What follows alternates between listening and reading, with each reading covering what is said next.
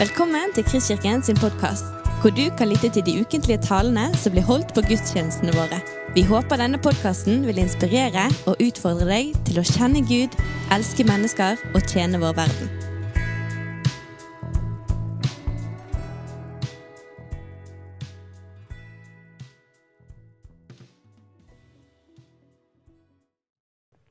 Cirka 600 år før eh, Kristus så var det en eh, skremmende stormaktsleder øst for eh, Israel som gjorde som han ville. Nebukadneser het han. Han gjorde seg stor, ville bli større og benyttet sin overlegne militærmakt på grufullt vis. Mengder av mennesker ble rammet av hans eh, erobringslyst og fremrykninger. Og om man eh, ikke mistet livet, så mistet man gjerne det livet man hadde. Forferdelige beretninger, brutale skildringer som også skapte frykt og uro og avmaktsfølelse blant omkringliggende folkeslag. Og Om ikke de alle sammen erfarte en kamp på død og liv sjøl, så foregikk det definitivt en kamp om eh, tankelivet til eh, de fleste som da levde. For dette var så truende og skremmende. Blant de som eh, ble rammet, var israelsfolket. I løpet av kort tid var alt snudd på hodet. Fra å se ut til Jerusalems eh, marker stirret man nå inn i Babylons harde vegger. Frykt, forvirring og dystre fremtidsutsikter. Og Et av de virkelig gode spørsmålene som garantert meldte seg i mange, det var jo dette Hva nå? Hva nå? Hvordan forholder vi oss til dette? Den ene forkynneren etter den andre sto fram blant eh, folket, hevet sin eh, røst. Noen ga fra seg veldige vyer og Skriften kan nesten omtale det som ordgyteri. De færreste av disse var sendt av Herren. Men så var det en mann som het Jeremia, der han eh, fikk noen ting fra Gud. Noen eh, praktiske, jordnære saker. Noen enkle, forståelige knagger til hjelp for troen, til hjelp for tanken myntet på de som trodde på Israels Gud. Bygg hus. Bo i de. Plant hager og spis deres frukt. Ta dere koner og få sønner og døtre. Og ta koner til deres sønner og gift bort deres døtre, så de kan føde sønner og døtre. Bli tallrike der. Bli ikke færre. Søk den byens velferd som jeg har bortført dere til, og be for den til Herren. For når det går den vel, så går det dere vel. Konkrete ting for troen og for tanken. Til hjelp for hverdagslivet. Ingen eh, løfter og, eller garantier om liksom, umiddelbar endring, om umiddelbar utfrielse. Tvert imot i dette tilfellet. Men praktiske ord. Konkrete råd for den nye hverdagen. Hvordan tenke nå? Hvordan forholde oss til dette nye? De siste to ukene har brakt veldig uro innover Europa. Det er frykt forvirring, dystre fremtidsutsikter. De færreste av eh, dagens europeere har mye erfaring med denne type krig og gru. Vi rystes, og vi preges. Så nyhetsstrømmen synes å være ustanselig. Hver time på dagen slår de inn nyheter som alle andre dager i året ville vært hovedsak og førstesideoppslag. I tillegg til dette ustanselige så er det masse med nyhetene som kan synes motstridende. Den ene håpefulle nyheten avlastes av den neste nedslående. Det er utmattende, det er forvirrende, det er tyngende. Og det sømmer seg å spørre har Gud noen konkrete ord og råd til sitt folk òg i dag? Hva sier Åren til menigheten i dag om dette?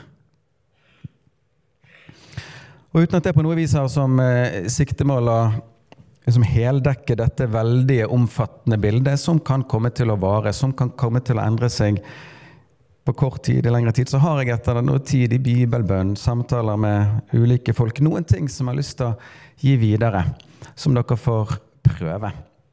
Jeg tar ikke sikte på å være en sånn politisk eh, kommentator, men en ordets forkynner. Og eh, vil i dag frembære fem ting.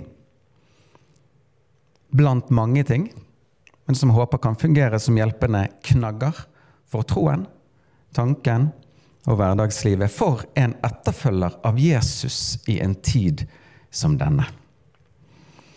Og siden det er fem ting, skal vi i dag ta hånden til hjelp. Den har vi jo som regel med oss.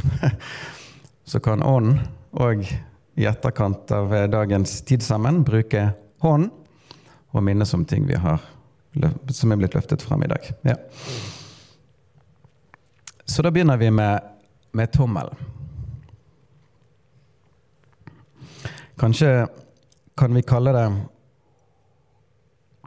Jesu tommelfingerregel i møte med krig og uro. Han har sagt og sier til sine venner dere vil høre om kriger og rykter om krig. Se til at dere ikke lar dere skremme. Matteus 24, 24,6. Jesus er en av de siste som skjønnmaler denne jorden. Tvert imot så er denne jordens trøblerier og vanskeligheter selve beveggrunnen for hans komme. For hans inngripen. Vi i vår del av verden har i lang tid vært skånet for krig. Men det er som om Jesus innstiller oss på at krig og rykter om krig vil være en del av normalen mer enn unntaket. Det vil være en del av livsferden til de fleste. I andre deler av verden er dette en del av hverdagen og har vært det i lang tid. Listen over væpnede konflikter på jorden er dessverre lang. Men Jesu ord til sine er at vi ikke skal frykte.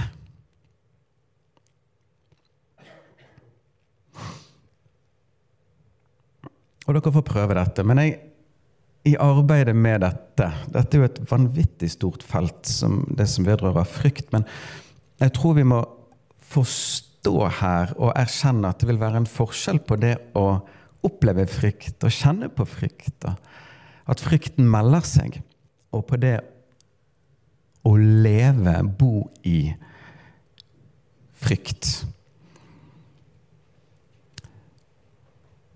Men i løpet av det siste måltid så sier Jesus til sine venner dette kjente La ikke hjertet bli grepet av angst. Tro på Gud og tro på meg. Og det er jo et ord i denne tiden. Så er det spesielt at det går bare noen timer, så er han i Getsemane og kjenner på angst.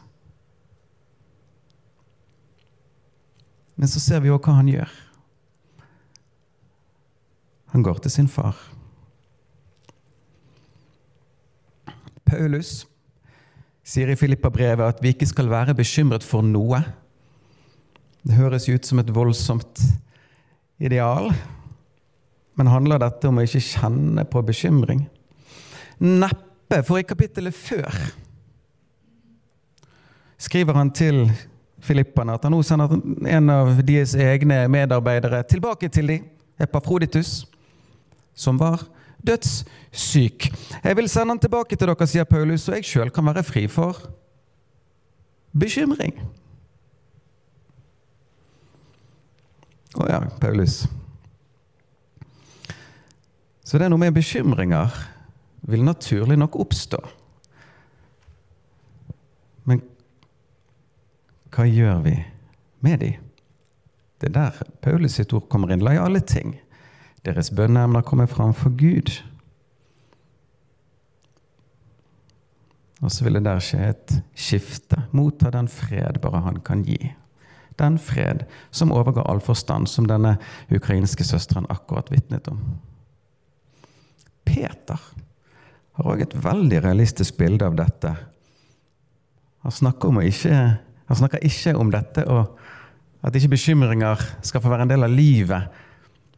Men han sier egentlig når de kommer, ja, men da kast de på Herren, for han har omsorg for dere. Jeg tror vi her står overfor dette kjente som Luther bl.a. var en talsperson for, at vi kan ikke hindre fugl i å fly over hodet vårt, men vi kan hindre den i å bygge rede på hodet vårt. Så Jesus sier ikke at ikke vi skal føle på angst, men at hjertet ikke skal få bli grepet av angsten. Det er ikke noe Guds folk trenger å bli værende i, for det finnes en annen, en større makt. Som jo òg er hele argumentasjonen Gud gir i møte med utallige frykt ikke-utsagn. Frykt ikke for 'Jeg er med deg'. Det fins en større kraft, det fins en større makt. Og for den som setter sin lit til Gud, så strømmer òg dette tryggende ordet til oss fra romerne. Om vi lever, så lever vi for Herren. Om vi dør, så dør vi for Herren. Enten vi da lever eller dør, så hører vi Herren til. Og jeg synes det er spesielt. Jeg leste fra Matteus 24 her. Dere vil høre om kriger og rykter om krig. La dere ikke skremme. Jesus sier i samme tale der at noen vil bli slått i hjel. Noen vil måtte bøte med livet. Men som også denne ukrainske søsteren nå fikk stå vitne til oss om, så er ikke døden farlig for den som har satt sin lit til Han som er herre over dødens makt.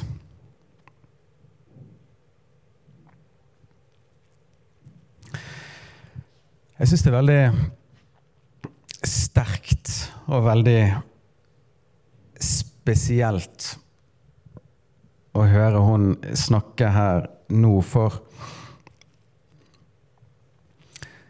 Det er ganske stor forskjell på det vi kan kjenne på her i, i Bergen, og det man opplever i bomberommene i Ukraina.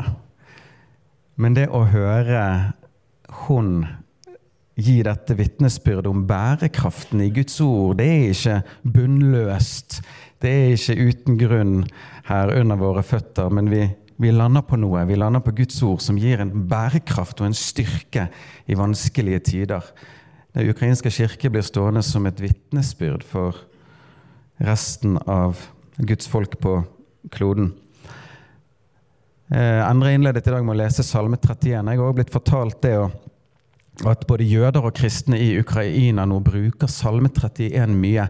Det er en ufattelig spesiell salme som har fått være litt i de siste dagene. Den ser nesten ut til å være forfattet for situasjonen. Det står om beleirede byer og så videre. Dere kan gjerne bruke tid i Salme 31 fremover. Både jøder og kristne i Ukraina nå bor i denne salmen i stor grad. Og nettopp det leder meg til eh, finger nummer to. Pekefingeren, som kan brukes til så mangt, og som kan eh, synes å være en advarende eller en eh, pirkete eller hva som helst. Man kan bruke den til mye, men den fungerer òg som den veivisende blant fingrene.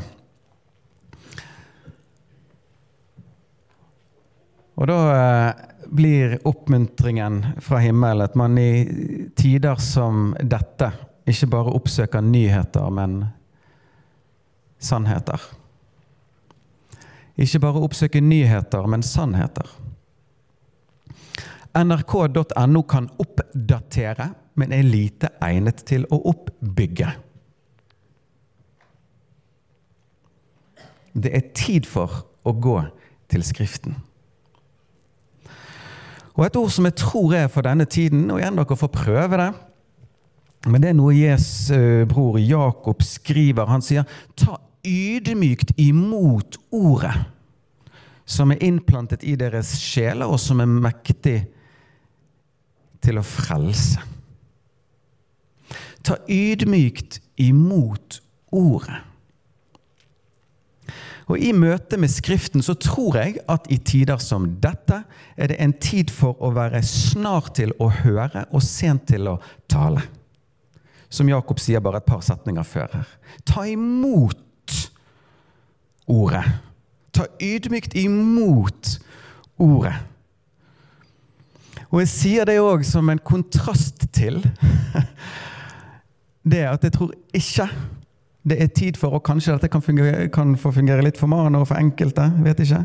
Men jeg tror ikke det først og fremst er tid for å løpe rundt med Skriftens profetier og søke å innplassere hendelser som nå står på, inn i disse. Det er ikke først og fremst tid for det. Kanskje vil vi se sammenhenger etter hvert, men vi står midt i noe intenst og uoversiktlig, og veldig mange de som har kjørt seg fast i det terrenget der før oss. Og Fascinerende nok det er at ganske mange av de som setter kursen ditover, har problemer med å returnere fra sine standpunkt. Det er vanskelig å komme derfra og tilbake igjen. Det er tid for å ta imot ordet. La oss lære av disse våre ukrainske brødre og søstre nå. La oss høre hvordan de møter ordet her nå. De kommer i kontakt med bærekraften, det oppløftende, det oppbyggede, mer enn at man skal innplassere dette her et eller annet sted. Så er det noe som La oss heller fokusere på det som er innplantet. La oss få ta ydmykt imot ordet. Erfare Skriftens bærekraft. Så nummer én La dere ikke skremme. Nummer to ta ydmykt imot ordet. Nummer tre Kanskje fordi den ligger helt i front. Framfor alt formaner jeg derfor til at det blir gjort bønner, påkallelser, forbønner og takk for alle mennesker. For konger og for alle som er i høy stilling, så vi kan leve et stille og rolig liv i all Guds frykt og ærbarhet. Dette er godt og til behag for Gud, vår frelser. Så nummer tre ta del i bønn.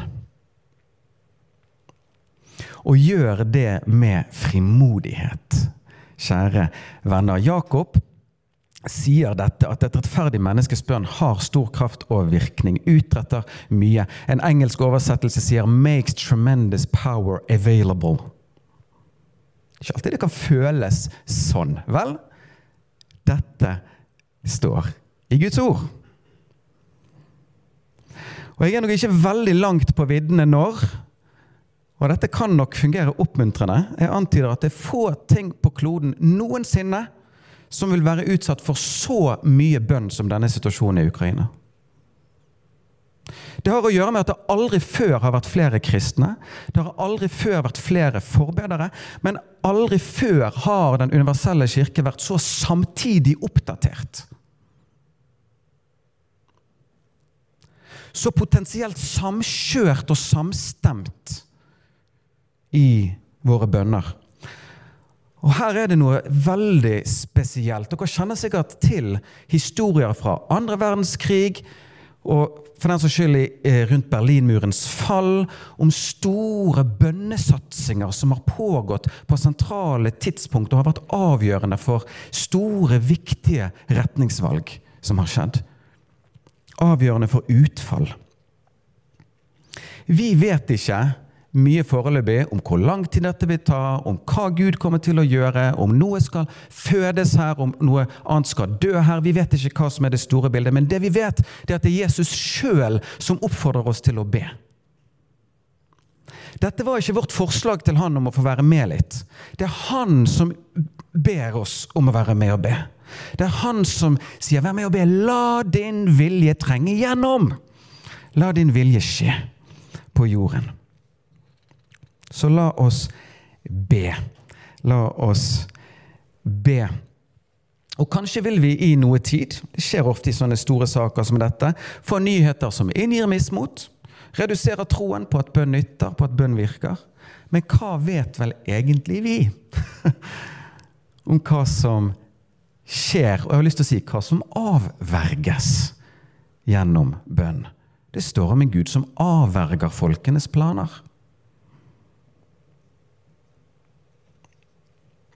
Og jeg vil her legge til La oss be for Vladimir Putin.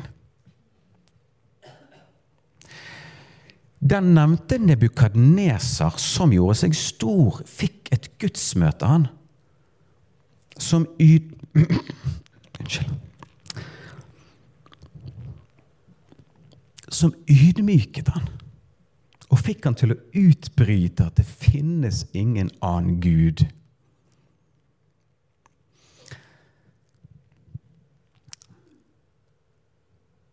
her er det noen dype ting. Fordi at, og jeg må få dele det med dere. I 2004 så hadde jeg gleden av å være med og åpne dører på en eh, konferanse i Nederland, der broder Andreas var hovedtaler. Og jeg, Det gjorde så inntrykk på meg at den mannen sto der, og så sa han det at altså han, han uttrykte en sorg over hvordan han så kristne brødre og søstre juble over Yasir Arafats død.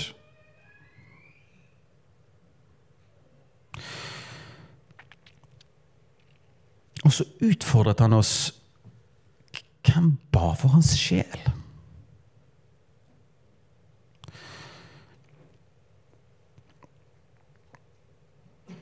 Og jeg tror det er noe her som kan være veldig viktig og fint for Jesu etterfølgere å ha med seg i denne tiden. At også denne russiske Vladimir er skapt og elsket av Gud og innregnes når det står at Gud vil at alle skal komme til sannhetserkjennelse. Guds vilje for denne mannen er evig liv, ikke evig død. Så la oss be for hans sjel. Jeg har hørt historier, jeg har ikke sikre kilder på dette, men om troende som opp igjennom har nektet å be for sine ledere fordi de anså de for å være antikrist. Som han holdt tilbake bønn. Vel, det var et dårlig trekk. Mørket rundt lederne ble gjerne enda mørkere. Og Jeg vil her også minne på noe som jeg tror egentlig vi kan minne hverandre på oftere. At noe av grunnen til at det står så tydelig i Guds ord at vi har ikke en kamp mot kjøtt og blod, er fordi at det så veldig ofte Veldig ofte kommer kampen gjennom kjøtt og blod. Det gjelder jo i nære relasjoner òg.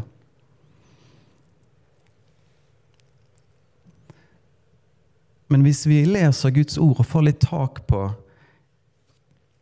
tingene som pågår Apropos Daniel og Nebukadneser ja, eller Daniels bok der. Der ser vi en av Skriftens mest utførlige, detaljerte skildringer av den kamp som pågår i det usynlige blant makter, fyrster i åndeverden. Og vil jeg oppmuntre meg hvordan ett menneske av dine ord Fra den dag, Daniel, du vendte, osv. begynner engelen å snakke til han. Så var ett menneskes bønn med å endre situasjonen i den verden som er skjult for våre øyne. Så nummer tre ta frimodig del i bønn i disse tider.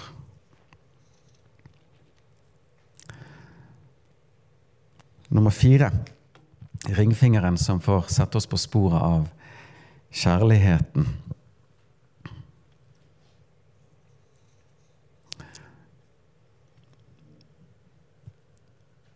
Bevar ditt hjerte framfor alt du bevarer, står det. Men det er en utfordring i denne tiden av vokt ditt hjerte. Vokt ditt hjerte. Mange steder i Skriften står det om harde hjerter. Det er aldri løftet fram som noe positivt. Men det oppstår som regel i møte med at livet ikke ble sånn som vi ville. I møte med vanskeligheter. Det oppstår bitterhet og hat, og til og med mordlyst. Ja.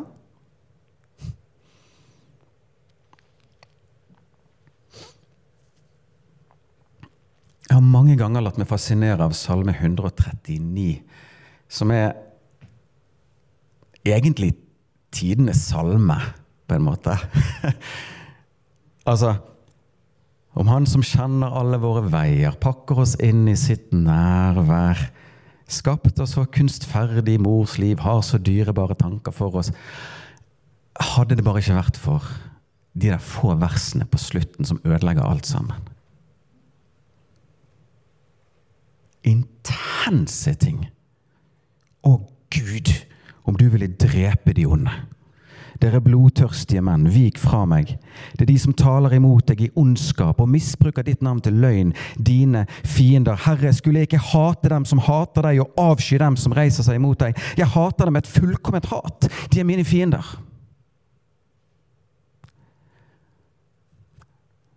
Salmen var veldig pen Iallfall fram til hit. Jeg har slitt med å få tak på det der.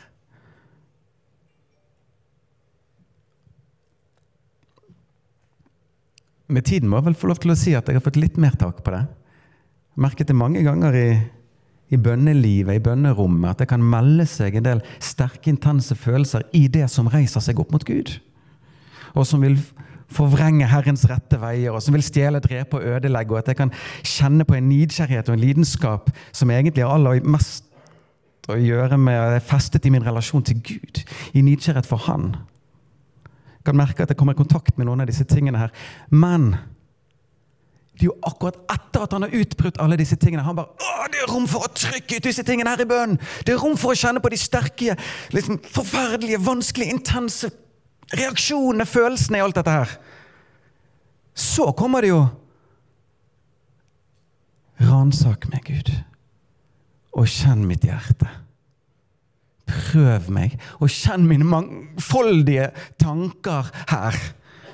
Se om jeg er på fortapelsens vei, og led meg på evighetens vei.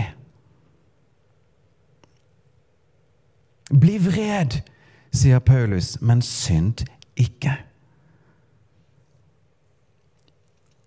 Hebreabrevets forfatter skriver dette at vi ikke må la noen bitter rot få vokse opp og volde skade, sånn at mange blir smittet av han. Og jeg sier dette fordi ingen er tjent med at hjertene våre tilstivner og hardner og hater.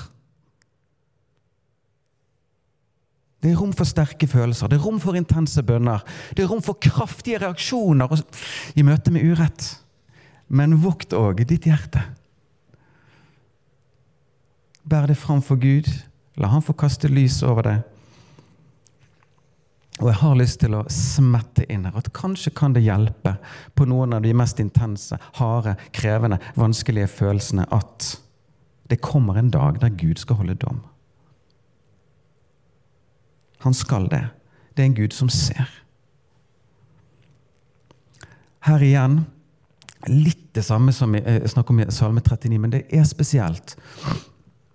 Jesaja 61, et av de nydeligste i alle fall innledningene på et kapittel i hele Guds ord. Herrens ånd over meg, utrope frihet for de fangne. For, altså, gledesolje. Og det er så mye lekre, flotte, vakre ting.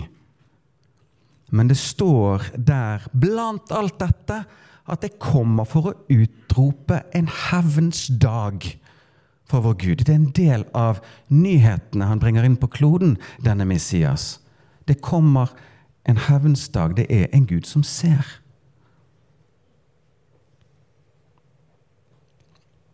Han vil holde dom en dag. Men la oss vokte vårt hjerte, sånn at ikke vi blir et stramt og hardt tre med bitre og skadelige frukter. Til sist lillefingeren, den minste blant fingrene våre som kan få minne oss i dag om den tjenende ånd, om at den minste skal få være den største. Ja da, litt konstruert, men likevel. det tjenende element. Avslutningsordet er rett og slett 'meld deg til tjeneste hos Gud'. Jeg har venner som er dratt til Ukraina for å hjelpe til og bidra. De kjente at de skulle gjøre det.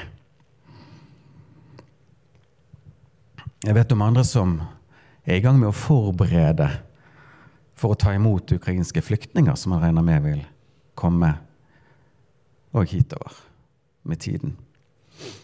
Akkurat her finnes ikke det et sånn fellesspor. Um, men jeg har lyst til å bare gi dette enkle ordet overordnede 'meld deg til tjeneste hos kongen'. Spør om hvordan du kan få være med og bidra i dette. Hva er ditt navn skrevet over? Jeg har lyst til bare å nevne at Kanskje noen vil få høre fra kongen at man ikke skal gi seg sånn intenst i kast med akkurat dette nå, fordi man har fått en kallelse på et litt annet sted, for en litt annen tid, på en litt annen måte, der man skal få være med og gjøre enda på djevelens gjerninger på det stedet og på den måten. Noen vil få den beskjeden. Men la oss være disponible.